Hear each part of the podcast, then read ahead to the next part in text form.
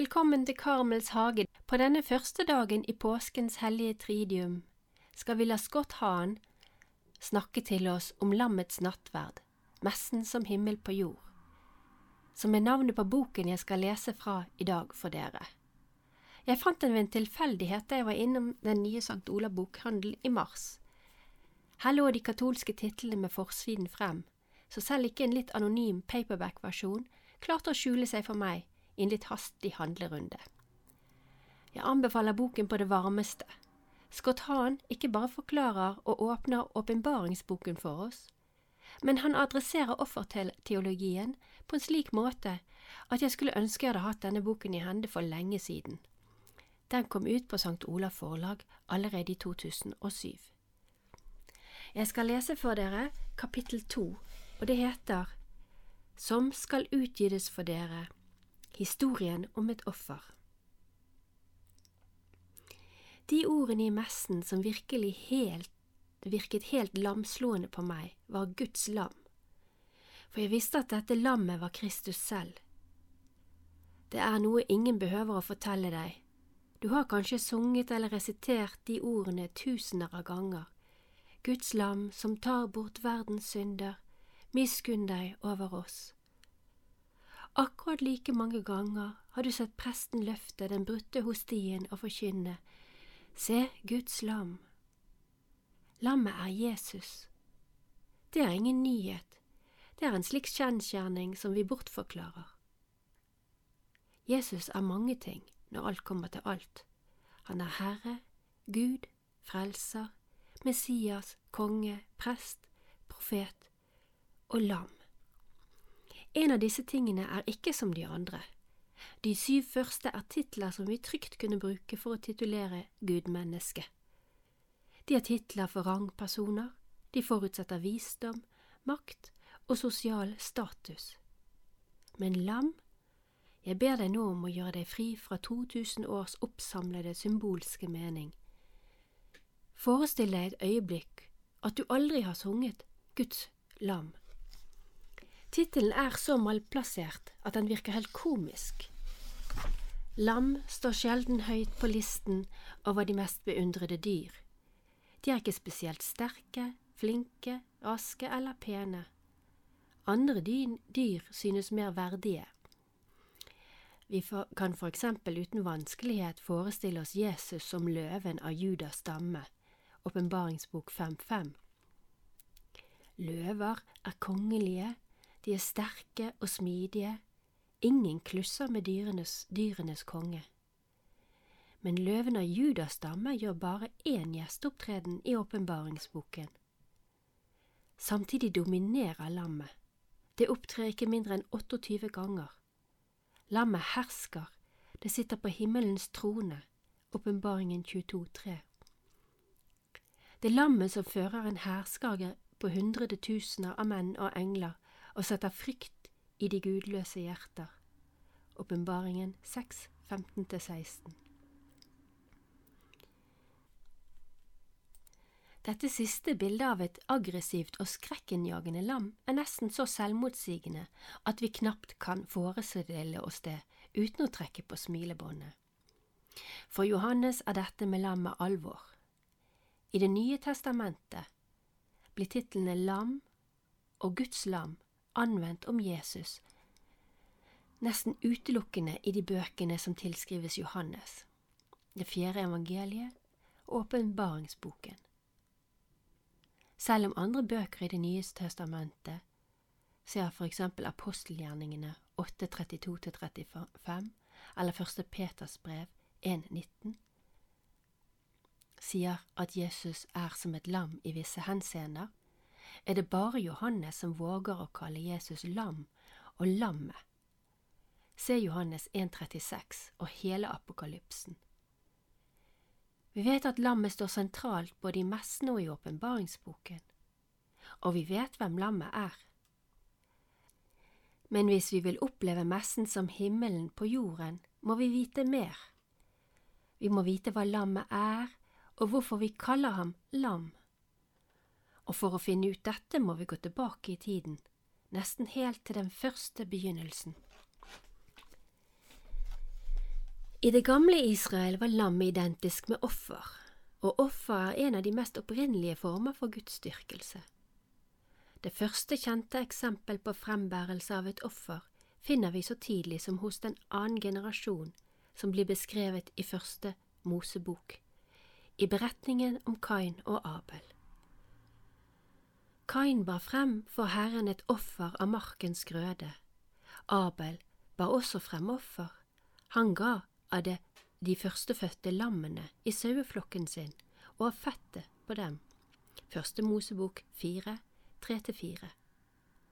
Men, si, men ti, med tiden møter vi lignende ofre fra Noah, Første Mosebok åtte, 20–21, Abraham, Første Mosebok 15, 8–10 og 22, 13, og Jakob, Første Mosebok 46, 1, og andre. I Første Mosebok bygger patriarkene stadig altere, og altrene tjener først og fremst som offersteder. I tillegg til brennoffer øste de gamle under tiden ut drikkoffer, det vil si de frembar vin som offer. To av ofrene i Første Mosebok fortjener en særlig oppmerksomhet fra vår side. Melkisedeks offer, Første Mosebok 14, 18–20, og Abrahams og Isaks i kapittel 22. Melkisedek er den første prest som nevnes i Bibelen, og mange kristne har, i overstemmelse med Hebreabrevet 7, 1–17, oppfattet ham som en, et forvarsel om Jesus Kristus. Melkisedek var både prest og konge, en uvanlig kombinasjon i Det gamle testamentet, men noe som senere også skulle komme til å gjelde for Jesus. Første Mosebok beskriver Melkisedek som konge av Salem, et land som senere skulle bli Jerusalem. Det betyr fredens by. Jesus skulle en dag komme til å fremstå som konge over det himmelske Jerusalem, og igjen som Melkisedek som fredens konge. Endelig var Melkisedeks offer usedvanlig, fordi det ikke impliserte noe dyr. Han frembar brød og vin slik Jesus skulle gjøre det ved den siste nattverd, da han innstiftet eukaristien. Melkisedeks offer endte med en velsignelse over Abraham. Abraham kom selv tilbake til det stedet hvor Salem lå, noen år senere, da Gud, kal Gud kalte på ham for at han skulle gjøre det ytterste offer. I første Mosebok 22 sier Gud til Abraham, Ta Isak, din eneste sønn, som du er så glad i, og dra til Morialandet. Der skal du ofre ham som brennoffer på et av fjellene som jeg viser deg. Vers 2 Israelittisk tradisjon, slik den er gjengitt i andre krønikabok 3.1, identifiserer Moria med det sted hvor tempelet i Jerusalem senere kom til å ligge. Dit dro Abraham med Isak som bar veden til offerhandlingen på ryggen. Første Mosebok 22,6 Da Isak spurte hvor offerdyret var, svarte Abraham. Gud vil nok selv se seg ut et offerlam, gutten min. Vers 8. Når det kom til et stykke, stanset Guds engel Abrahams hånd da han skulle ofre sønnen, og skaffet til veie enhver som kunne ofres. I denne beretningen hørte Israels Guds paktsed om å gjøre Abrahams etterkommere til et mektig folkeslag. Jeg sverger ved meg selv, fordi du ikke sparte din eneste sønn, vil jeg gjøre din ett så tallrik som stjernene på himmelen, og i din ett skal alle folk på jorden bli velsignet. Første Mosebok 22, 16–18 det var Guds gjeldsbrev til Abraham. Det kom til å vise seg at det også skulle bli en livsforsikringspolise for Israel. I Sinan-ørkenen, da det utvalgte folk hadde fortjent døden fordi de hadde tilbedt gullkalven, påropte Moses seg Guds paktsed til Abraham for å frelse dem fra Guds vrede. Se andre Mosebok 13–14.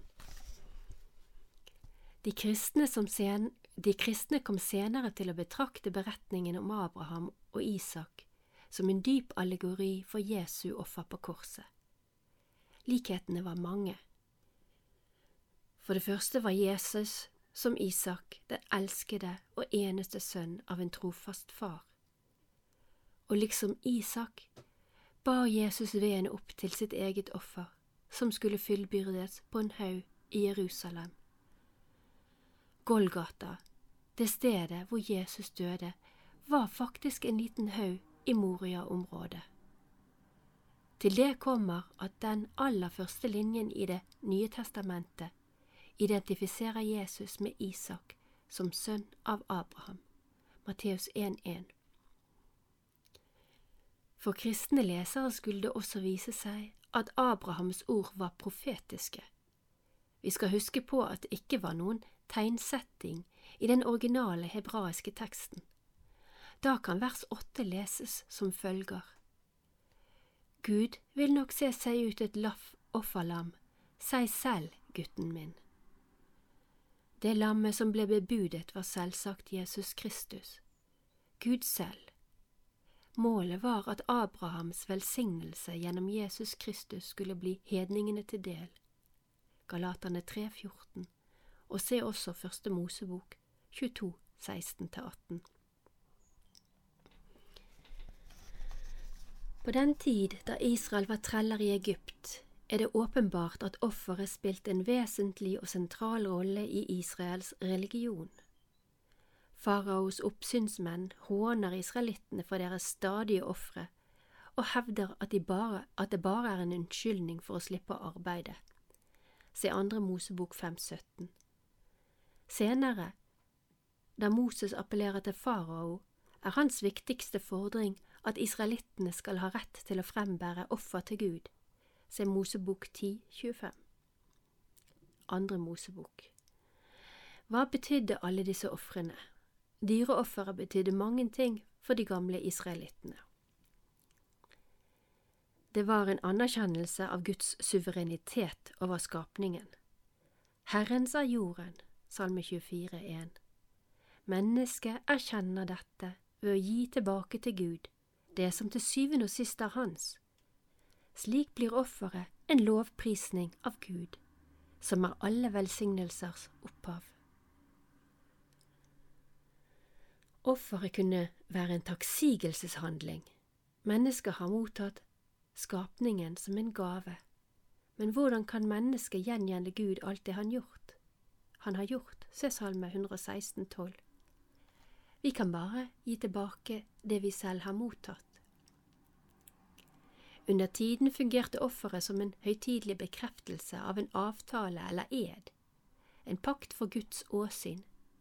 Se Første Mosebok 22, 32. Offeret kunne også være et uttrykk for forsakelse og anger over synder. Den personen som frembar offeret, erkjente at hans synder hadde gjort ham skyldig til døden han ofret dyrets liv i stedet for sitt eget. Men det helt sentrale offer i Israels historie var påskeofferet, som fremskyndet israelittenes flukt fra Egypt. Det var ved utferden fra Egypt at Gud påla hver enkelt israelittisk familie å ta et lyteløst lam uten å bryte noen, bryte noen ben, drepe det og stenke blodet på dørstolpene. Denne natten skulle israelittene spise lammet. Hvis de gjorde det, skulle deres førstefødte bli spart. Hvis de ikke gjorde det, skulle deres førstefødte dø samme natt, sammen med alle de førstefødte i jordene. Se Andre Mosebok 12, 1–23. Offerlammet døde som, løs, som en løsepenge i stedet for husstandens førstefødte. Påskeofferet var altså en løskjøpelse, et gjenkjøp. Men Gud utfridde ikke bare Israels førstefødte sønner. Han innviet dem også til et kongerike av prester og et hellig folk. Ann Mosebok 1906. et folk han kalte Min førstefødte sønn, Ann Mosebokk 422. Herren sa så til israelittene at de hvert år skulle feire påskehøytiden, og han ga dem til og med de ordene de skulle bruke for å forklare ritualet for fremtidige generasjoner. Og når barna deres spør hva dette er for en skikk, skal dere svare. Det er påskeoffer for Herren fordi han gikk forbi israelittenes hus i Egypt da han slo egypterne med ulykke. Ann Mosebok 12, 26–27 Da de kom til det lovede land, fortsatte israelittene å frembære offer til Gud hver dag. Nå rettet de seg etter de mange forskriftene i loven, som spesifiseres i tredje, fjerde og femte Mosebok. Se for eksempel tredje Mosebok syv til ni, fjerde Mosebok 28 og femte Mosebok 16. Etter at tempelet i Jerusalem ble opprettet rundt 960 før Kristus, frembar Israel sin da, sine daglige ofre til den allmektige Gud i majestetiske omgivelser. Prestene ofret hver dag to lam, ett om morgenen og ett om kvelden, til soning for folkets synder. Dette var de nødvendige ofre, men hele dagen gjennom steg røken fra mange andre private ofringer. Geiter, okser, duer og bukker ble ofret på det veldige bronsealteret som sto i friluft ved inngangen til tempelets indre foregård. Det hellige sted i tempelet var like bak dette alteret, og det aller helligste, Guds bolig, enda lenger inn. Røkelsesalteret sto umiddelbart, sto umiddelbart foran det aller helligste. Til det innerste av tempelet hadde bare prester adgang. Bare ypperste presten hadde adgang til det aller helligste, og selv han kunne bare gå inn for en kort stund og bare én gang om året, på forsoningsdagen, Jom Kippur. For selv ypperste presten var en synder og dermed uverdig til å oppholde seg i Guds nærvær. Tempelet i Jerusalem forenet alle de tidligere former for offer. Det var bygget på det sted hvor Melkisedek hadde frembåret brød og vin, og hvor Abraham hadde ofret sin sønn, og hvor Gud hadde sverget sin ed om å frelse alle folkeslag. Tempelet var det faste og varige offersted, og det viktigste offer var identisk med det aller eldste Abels offer, lammet. For den store offerdagen var fortsatt påskefesten, da så mange som to og en halv million pilegrimer flokket seg i Jerusalem. De kom fra fjerne steder i den da kjente verden. Den jødiske historiker Josefus har notert at til påskefesten i år 70 etter Kristus, bare måneder før romerne ødela tempelet, og rundt 40 år etter, etter Jesu himmelferd, ofret prestene mer enn en kvart million lam på alteret te i tempelet, 256 000 for å være nøyaktig. Var alle disse ofrene bare et tomt ritual? Nei, selv om brennoffer i seg selv tydeligvis ikke var nok. Gud krevde også et indre offer. En sønderbrutt ånd er mitt offer, salme 51, 19. Profeten Hosea er Guds talsmann når han sier, For jeg vil ha troskap, ikke slakteoffer, Guds kjennskap heller enn brennoffer. Hosea 6, 6 men forpliktelsen til å ofre besto fortsatt. Vi vet at Jesus fulgte de jødiske offerlovene. Hvert år feiret han påske i Jerusalem, og vi må anta at han spiste offerlammet, først sammen med sin familie, og senere sammen med apostlene. Det var tross alt påbudt. En troende jøde kunne bare fornye sin pakt med Gud ved å spise offerlammet, og Jesus var en troende jøde. Men påskefesten hadde en større betydning for Jesus enn for andre jøder. Den var sentral i hans sendelse, et avgjørende øyeblikk. Jesus er lammet. Johannes konstaterer at det var helgaften før påske omkring den sjette time, da Jesus sto fremfor Pilatus. Johannes visste at den sjette time var det tidspunkt da prestene begynte å slakte påskelammene. Det var altså det øyeblikk da Guds lam ble ofret. Deretter forteller Johannes at ingen av Jesu ben ble knust på korset, for at Skriftens ord skulle gå i oppfyllelse. Dette kan vi lese i kapittel 19, 3, 36. Hvor i Skriften står det, i annen Mosebok 1246, som beskriver at man ikke skal bryte noe ben i påskelammet. Vi ser altså at Guds lam, akkurat som påskelammet, er et verdig offer, en fullkommen oppfyllelse. I det samme avsnittet sier Johannes at de som så på, ga Jesus survin å drikke fra en svamp som var festet på en isoppstilk. Se Johannes 1929 og andre Mosebok 1222. Ifølge forskriften om påskefeiringen skulle man bruke en isoppkvast for å stenke lammets blod.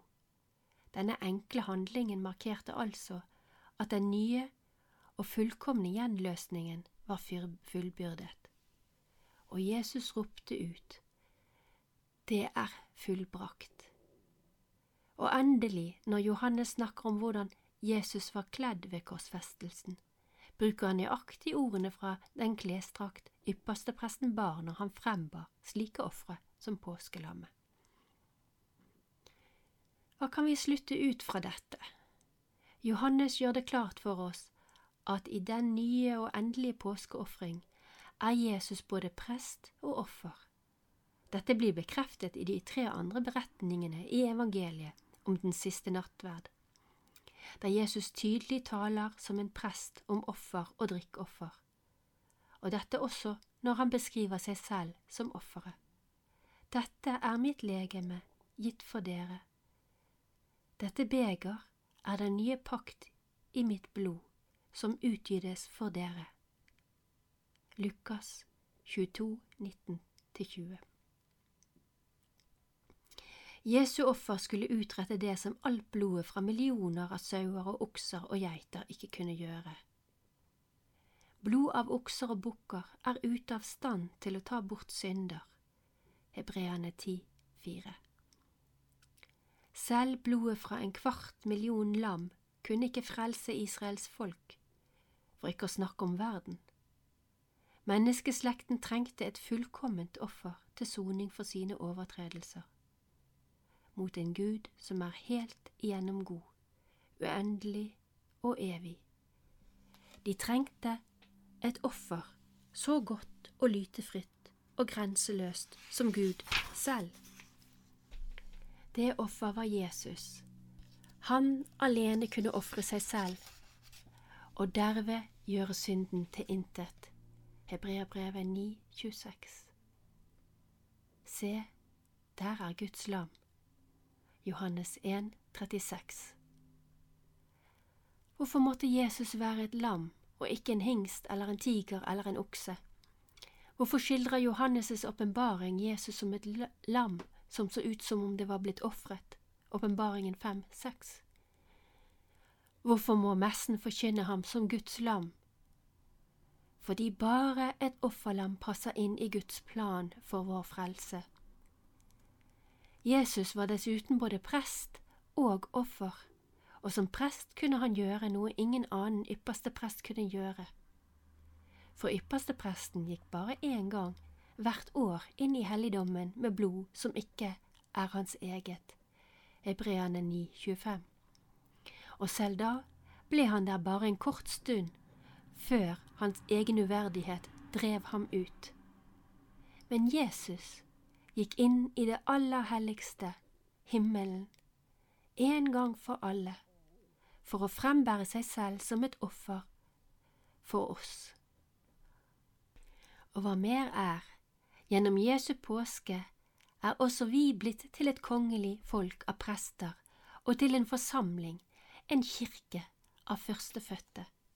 Se Åpenbaringen 1.6 og Hebreabrevet 12.23, og sammenlign med annen Mosebok 4.22 og 19.6. Og hver gang vi går til messe, trer vi inn i himmelens helligdom sammen med ham. Vi skal komme tilbake til alle disse bildene senere, når vi ser dette aller helligste i åpenbaringsboken, med alteret og tempelet og røkelsen og det allestedsnærværende lammet.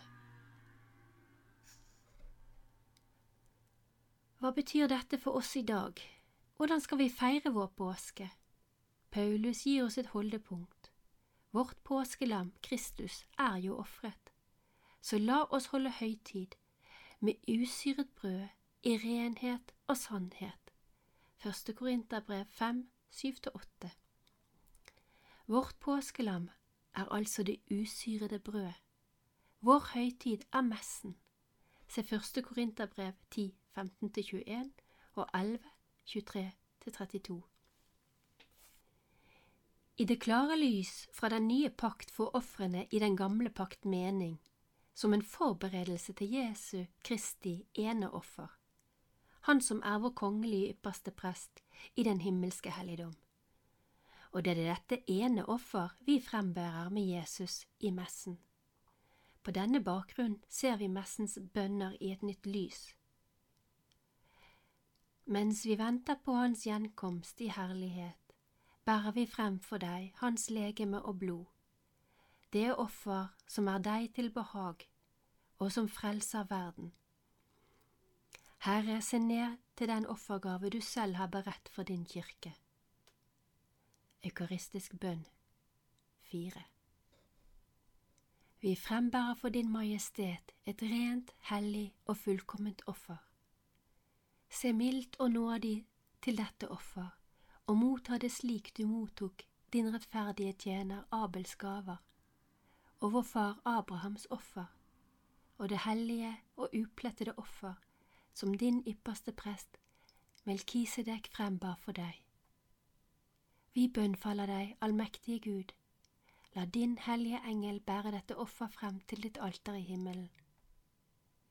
Eukaristisk bønn 1 det er ikke tilstrekkelig at Kristus utgjød sitt blod og døde for vår skyld.